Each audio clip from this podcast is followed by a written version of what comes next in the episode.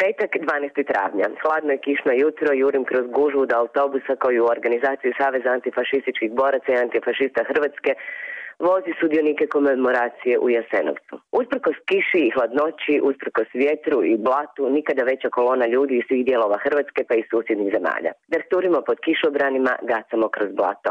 Logorašima je bilo gore, nemamo se što žaliti, kaže usput Rada Borić, poznata feministkinja, sada potpredsjednica Nove Ljevice, koja je baš kao i ja svake godine u Jasenovcu.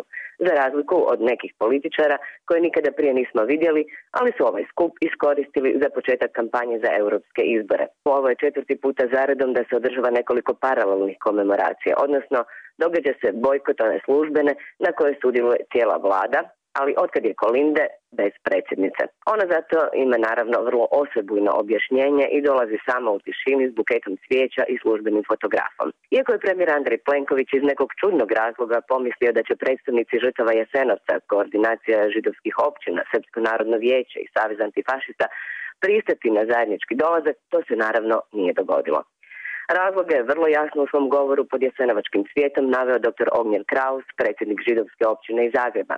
Ništa se naime od lani promijenilo nije. Ploča poginulim borcima Hosta s ustaškim simbolima i pozdravom i dalje stoji, doduše pomaknuta 8 km dalje od ulaza u Jasenovac u Novsku.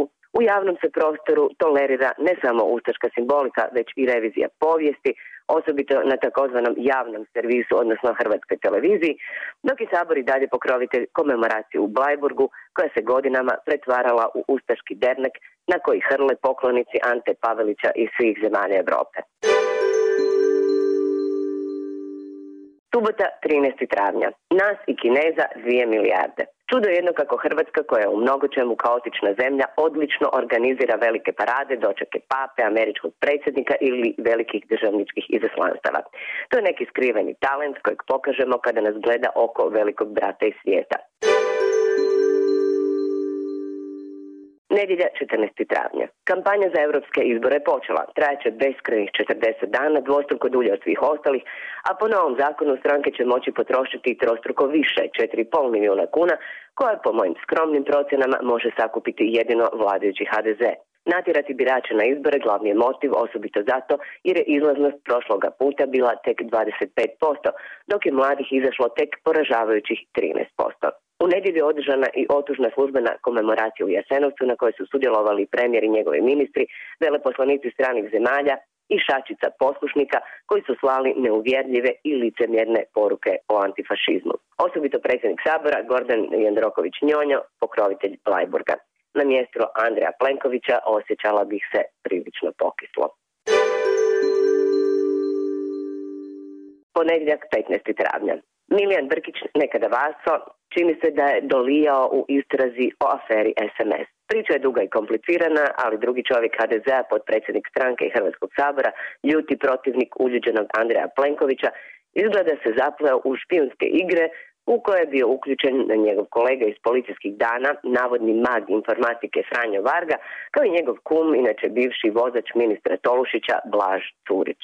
I tako je junačina Vasto, mozak tajnih operacija HDZ-a i čovjek kojem vjeruju na terenu, pao na banalnom špioniranju bivše žene. Utorak 16. travnja. Cijeli svijet s nevjericom je promatrao plamen koji je gutao jednu od najpoznatijih gotičkih katedrala na svijetu, znamenito svjetske kulturne baštine Notre Dame u Parizu. Vjerujem da su se milijuni gledatelja prikovani uz male ekrane s ljutnjom pitali, a gdje su Kanaderi? Zašto ne gase iz zraka, zašto puštaju da gori preko sat vremena, gotovo bez ikakve intervencije. Da se to događalo u Hrvatskoj, već bi prozvali naše vatrogaste i službe koje ne funkcioniraju. No radi se o Francuskoj, o jednoj od tri najbolje vatrogasne postrojbe u svijetu i oni su očito znali što rade. Zbog plamena nad Notre Dame vijesti iz domovine nekako su pale u drugi plan. Hrvatska vlada konačno je otkrila akcijski plan za predsjedanje nad Europskom unijom koji započinje 1. siječnja 2020 planirano je više od 220 političkih događaja i sastanaka na najvišoj razini. Obzirom na činjenicu da rekonstrukcija prostora u nacionalnoj i sveučilišnoj knjižnici u kojoj će biti smješten centar predsjedanja nisu ni započeli, neću di sumnjičavost javnosti u spremnost hrvatske vlade da uspješno preuzme predsjedanje nad Europskom unijom nakon Rumunjske, koja također nije baš bila spremna, na što je svojedobno upozoravao i predsjednik Europske komisije Jean-Claude Juncker. Nadamo se da neki budući predsjednik neće tako govoriti i o Hrvatskoj. Srijeda 17. travnja. Na suđenju u aferi Agram, jednoj od brojnih u kojoj je prvo optuženi zagrebački gradonačelnik Milan Bandić, puštene su kompromitirajuće snimke u kojima se lijepo može čuti kako se za javni novac zapošljavaju poznanici, rođaci i njihova djeca. A sve to uz stočne psovke i ribanje podređenih koji nisu proveli želje faraona Mileta u djelo. Budući da poslovično nije nazočan na suđenjima, Bandić je naknadno izjavio kako stoji za svake svoje riječi, kao i da su prostački izljevi naprosto njegov stil. E pa, dobar mu je stil koji je čak i Zagrebčane navikle na gradonačelnikov osebujan način vladanja i izražavanja poprilično šokirao. Inače, Mile Fontana, kako ga zovemo u Zagrebu, ima oko 200 kaznenih prijava koje trule po ladicama Dorha. Protiv njega se vodi nekoliko procesa koji se zbog raznih pravosudnih marifetluka stalno vraćaju na početak, pa više nitko ne vjeruje da će ikada doći do neke pravomoćne presude. Četvrtak 18. travnja. I dok premijer obilazi Hrvatsku i predizborno se hvali reformama koje samo što nisu započele, kao i velikim dostignućima svoje vlade, osobito u projektu Slavonija i Baranja, predstavnici Svjetske banke upozorili su nas da bi povlačenje novca iz europskih fondova moglo biti daleko brže i efikasnije. Dotle eurozastupnica iz redova SDP-a, Biljana Borzan, ima razloga za slavlje. Naime, Europski parlament usvojio direktivu o nepoštenoj poslovnoj praksi i zabrani različite kvalitete proizvoda na istoku i zapadu, na čemu je Borzan marljivo radila veliki dio svog mandata.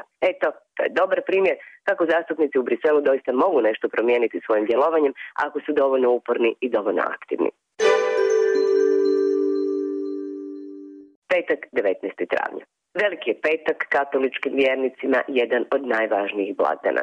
Uz veliko poštovanje svima koji iskreno vjeruju i žive u skladu s kršćanskim vrijednostima, ne može se ne primijetiti da je mnogo više onih kojima će uskrs poslužiti kao odličan povod za produljeni vikend i nekontrolirano trošenje novca kojeg većina socijalno ugroženog stanovništva nema ni za osnovne životne potrebe.